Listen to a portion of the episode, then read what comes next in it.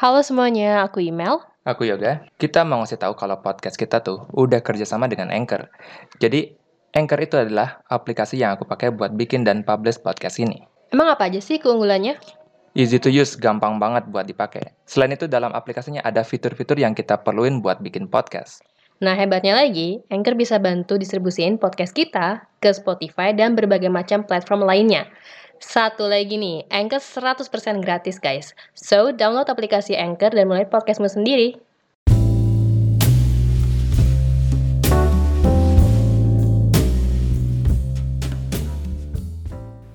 Hai, kembali lagi di sebuah podcast filsafat yang sifatnya hilang-hilangan ya.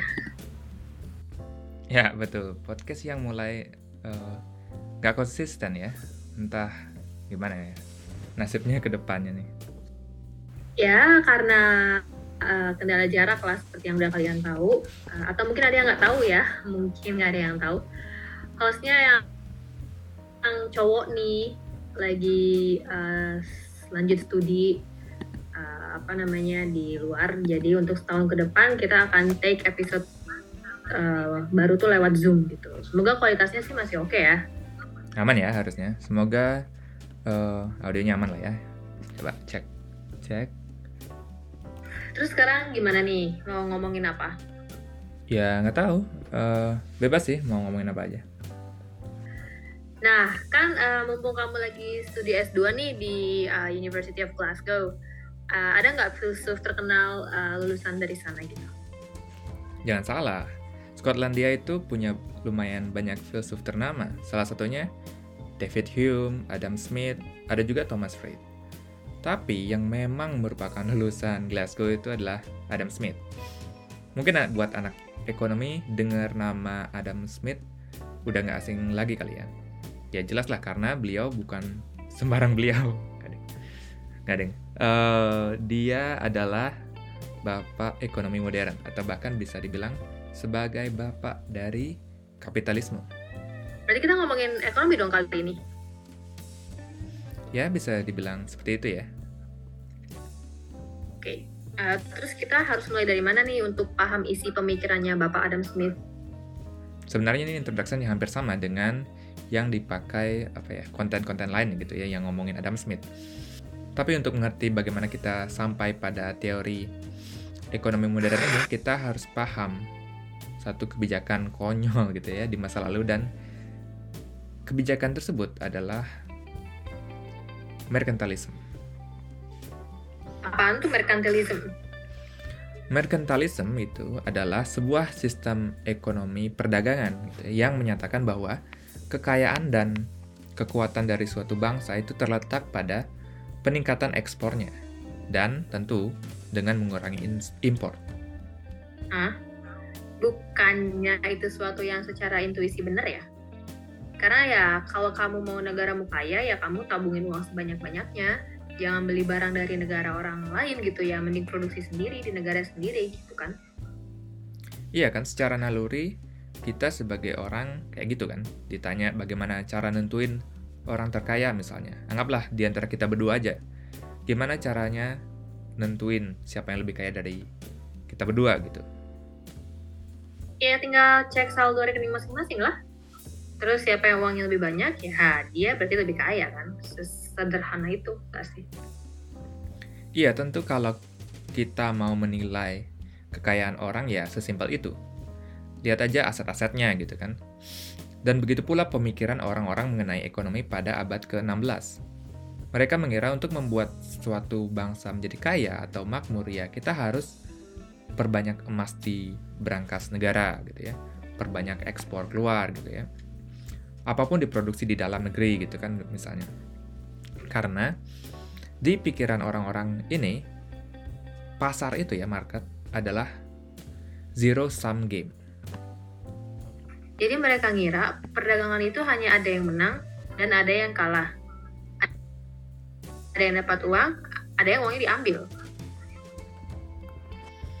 Yoi, karena zero sum game itu ya, maka ya itu maksudnya judi itu zero sum game. Maksudnya ada yang uangnya diambil sama banar ada yang uangnya diambil. Atau di, kalau dia yang menang uangnya dia ambil dari bandar bandarnya uangnya hilang gitu. Itu zero sum game. Nggak ada nilai yang diproduksi gitu.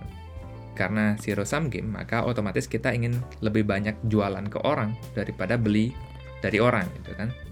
Sekilas gitu ya masuk akal tapi banyak permasalahan muncul dari merkantilisme ini nah kira-kira apa Um, kayaknya kalau mereka cuma pengen ekspor dan nimbun emas yang banyak, kalau resource mereka habis tuh uh, gimana? Kan ujung-ujungnya ya terpaksa beli juga kan, ya berarti harus impor.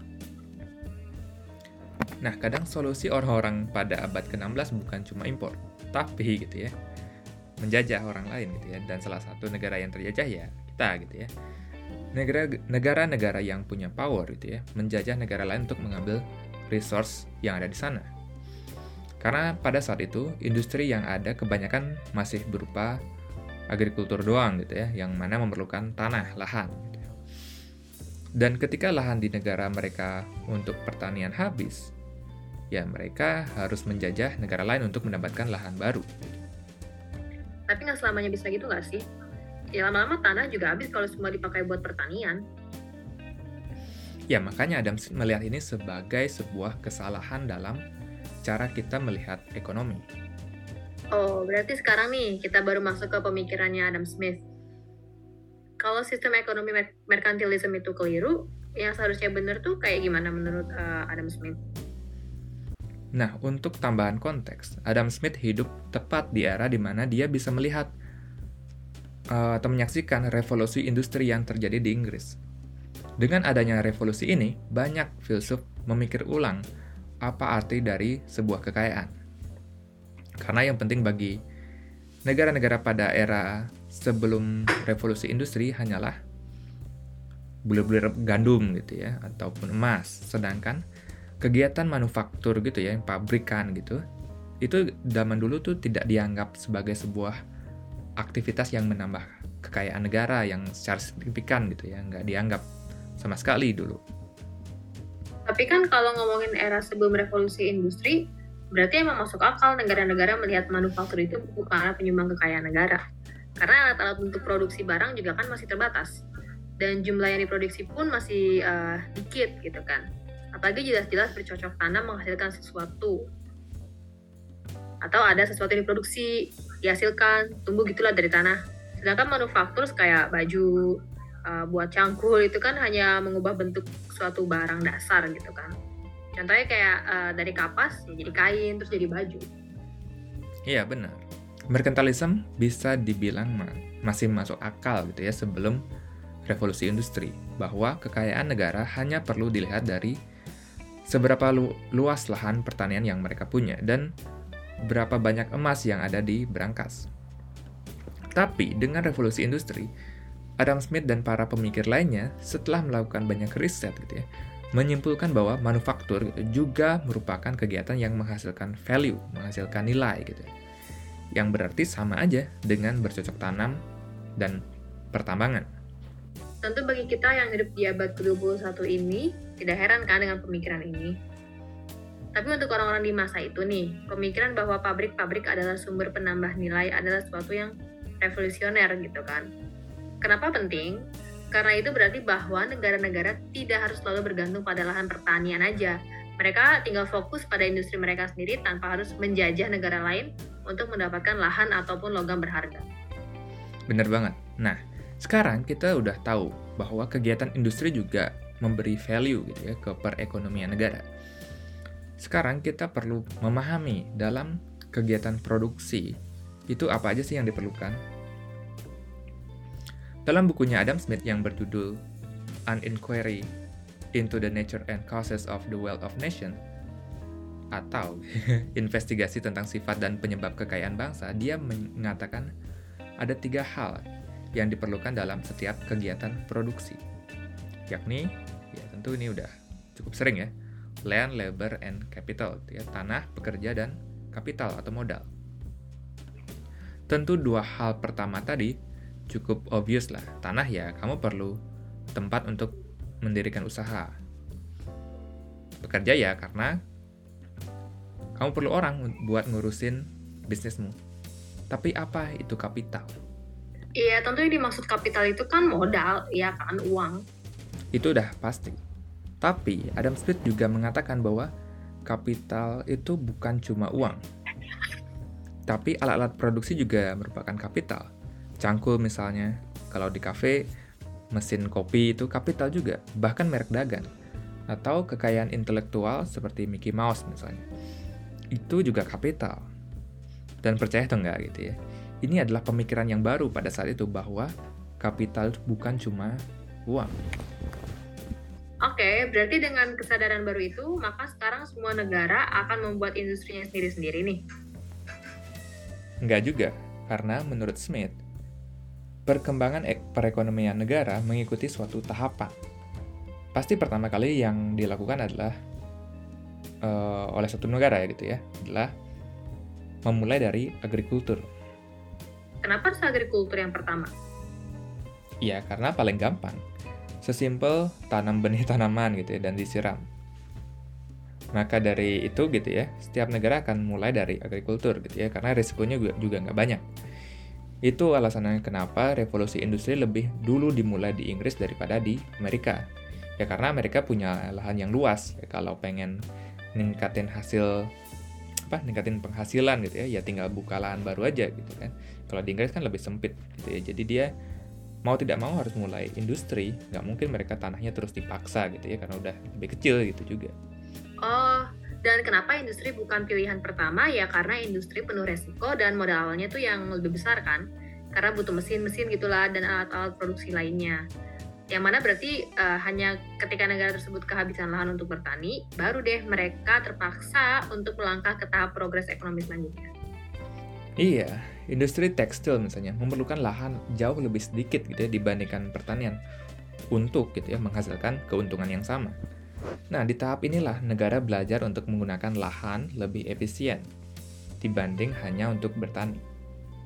Terus habis itu arah ekonomi suatu negara ke mana?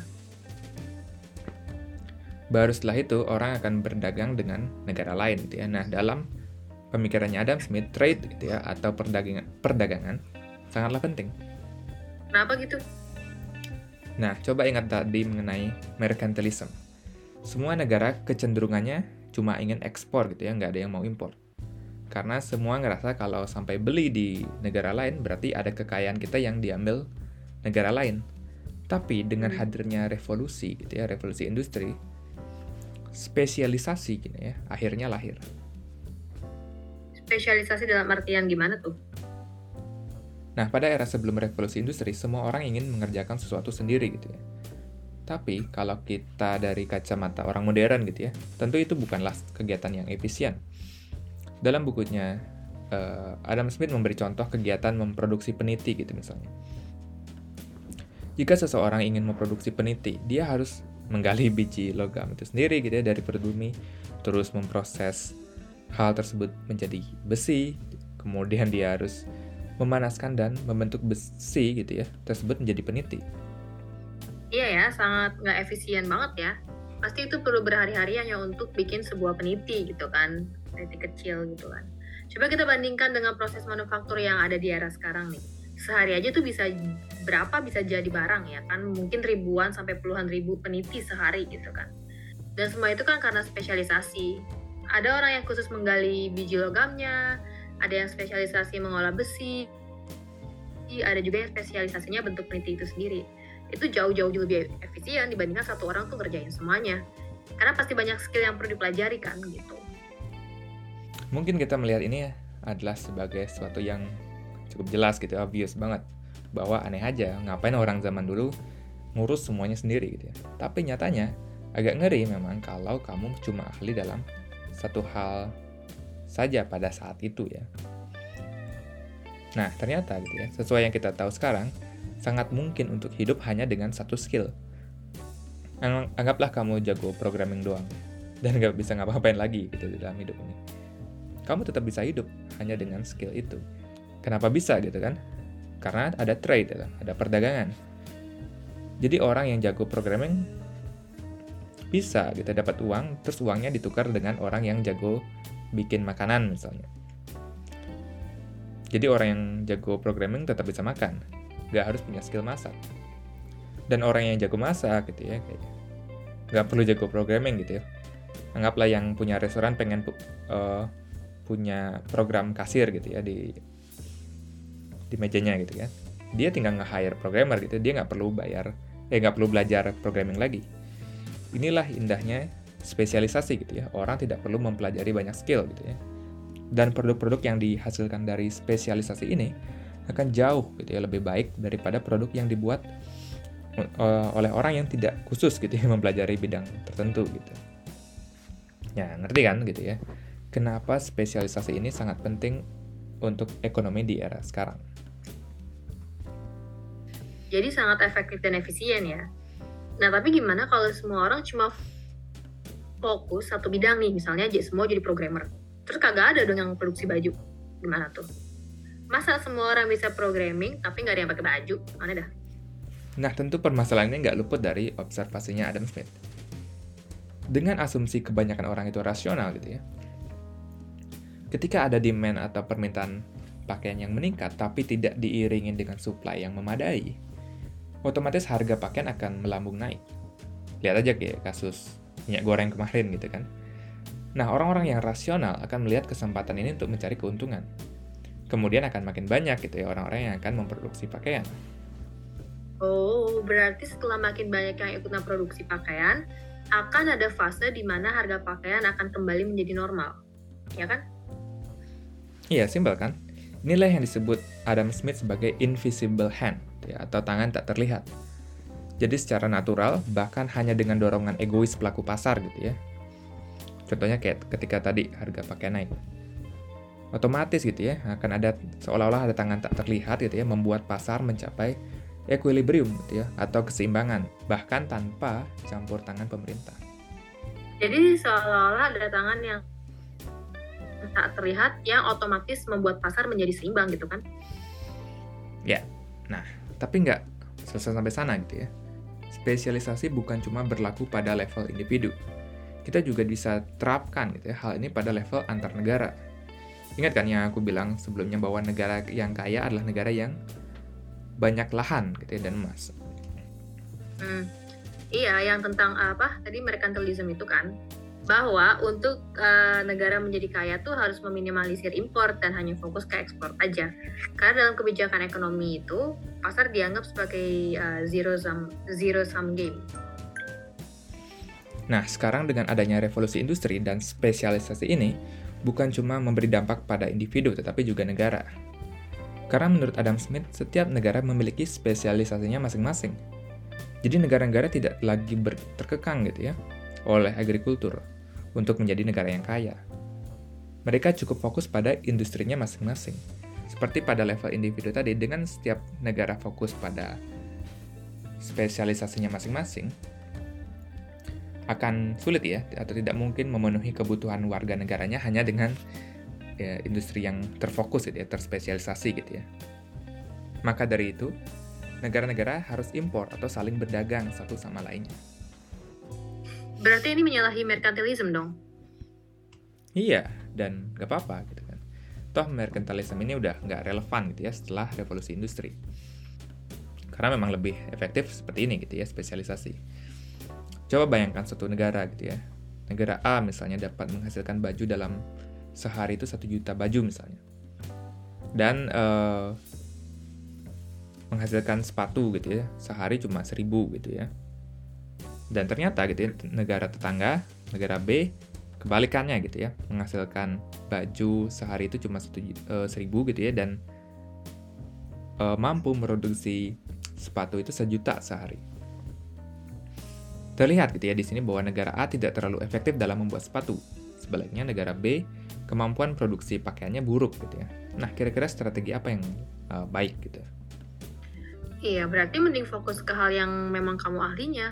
Misalkan negara A tinggal import aja sepatu ke negara B. Dan resource yang dulu jadi pakai buat bikin sepatu lebih baik dioper ke bidang pakaian yang jelas-jelas mereka semuanya tuh ahli di sana gitu kan. Ya gitu pula sebaliknya lah untuk negara B. Tinggal import aja pakaian dari negara A dan fokus aja bikin sepatu gitu. Iya kan, jadi merkantilisme itu salah gitu ya. Kalau bilang bahwa pasar itu adalah ada yang kalah ada yang menang gitu ya. Dikira pasar itu zero sum game Tapi ternyata gitu ya, bisa loh transaksi perdagangan itu saling menang atau win-win gitu ya. Negara tinggal memfokuskan sumber daya yang mereka punya pada hal yang mereka memang ahlinya gitu ya. Di era setelah revolusi industri, suatu negara tidak harus bisa semuanya gitu ya. kayak Singapura contohnya. Negara kecil yang hampir tidak ada sumber daya alam gitu ya. Tapi bisa kaya ya karena mereka fokus pada industri mereka.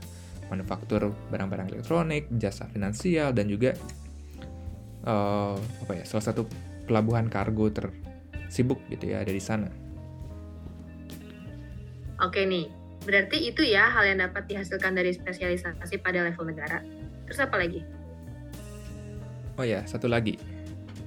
Dengan aktifnya kegiatan berdagang ini, pelaku pasar menjadi banyak dan akhirnya orang-orang pun mampu memilih produk yang mereka mau gitu ya.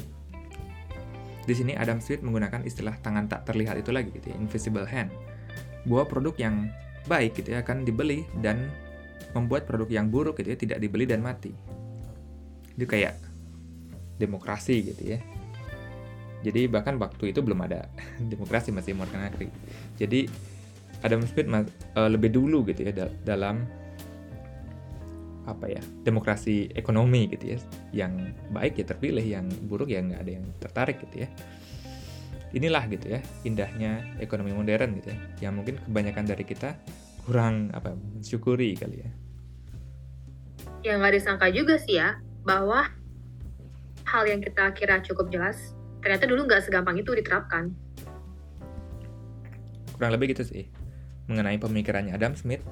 Meskipun nih ini masuknya lebih ke teori ekonomi sih daripada filsafat, tapi ya waktu Adam Smith bikin ini kalau nggak salah juga belum ada pembagian gitu ya cabang ilmu ekonomi gitu ya. Dulu itu semua filsafat gitu ya, sains yang kita kenal sekarang pun dulu disebutnya filsafat alam gitu ya. Jadi natural philosophy. Ekonomi dulu jatuhnya itu kalau nggak salah ya masuk ke moral philosophy. Sebelum akhirnya punya cabang ilmu sendiri gitu kayak psikologi juga atau ya philosophy of mind atau apa gitu ya. Nah ya dan lucunya lagi gitu ya aku mau cerita bahwa cukup banyak gitu ya yang orang yang request bahas Karl Marx gitu ya. Tapi episode yang akan tayang ini adalah kapitalisme gitu ya. Tapi lebih baik itu sih daripada langsung protes mengenai kapitalisme gitu ya. Emang udah yakin gitu kalian paham apa itu kapitalisme gitu ya?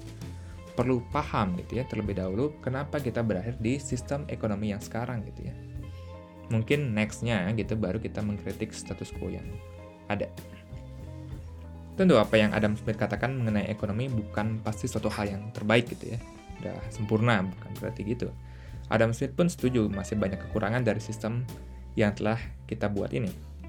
Bahkan dia mengkritik sendiri gitu ya spesialisasi yang dia sebelumnya uh, katakan merevolusi industri ini. Emang apa kekurangan dari spesialisasi ini? Uh, bukannya tadi kamu bilang ya banyak baiknya. Ya dulu memang mengerjakan suatu sendiri itu lama gitu ya, nggak efisien. Bikin jam gitu, jam tangan misalnya, watchmaker gitu ya, tukang jam. Mereka dulu membuat jam tangan itu sendiri dan meskipun prosesnya lama gitu ya, tapi ada koneksi gitu ya antara watchmaker dengan jam yang dia buat gitu ya antara produsen dan produknya sendiri sedangkan manufaktur gitu ya jam tangan sedangkan manufaktur jam tangan gitu ya pabrik jam tangan yang dibuat menggunakan spesialisasi gitu ya dan pembagian divisi masing-masing buruh gitu ya. Ada yang cuma masukin per ini itulah gitu ya masukin gear ada yang cuma masang jarum jamnya saja gitu ya ada yang masang tali jam gitu. Itu memang efisien tapi itu sangat repetitif gitu ya. Seolah-olah uh, buruhnya kayak apa ya cog in a machine gitu doang gitu kan Gimana? pertanyaan filosofisnya adalah tentu spesialisasi mempermudah proses produksi jam tangan namun harga apa yang harus kita bayar gitu ya hanya untuk ada lebih banyak jam tangan di dunia ini apakah harga berupa jiwa dari karyawan-karyawan tersebut setimpal gitu dengan hal itu. Hmm, jadi kayak ada koneksi yang putus ya antara pekerja dengan produk yang dia hasilkan karena spesialisasi ini. Mereka hanya merasa jadi kayak robot aja dan kehilangan semangat dalam pekerjaannya. Gitu kan. Ya begitulah ya. Selain itu ada risiko di tempat kerja gitu ya. Lamanya waktu pekerjaan itu juga repetisi kayak aku bilang tadi dan lain-lain. Banyak juga permasalahannya. Ya mungkin nanti kita bahas gitu ya kritik terhadap kapitalismenya. Ya, oke lah. Mungkin itu aja podcast pertama lewat Zoom perdana nih ya, yang mungkin jelek suaranya kayaknya ya. Iya kayaknya. Tapi semoga enggak sih. Oke, semoga masih menyenangkan ya untuk didengerin meskipun bahasanya kayaknya agak Nggak seru ya. Ekonomi ya. Orang Gue juga sebenarnya ngerti sih. ya udah aku email. aku juga. Thank you ya udah mau dengerin. Bye. Bye.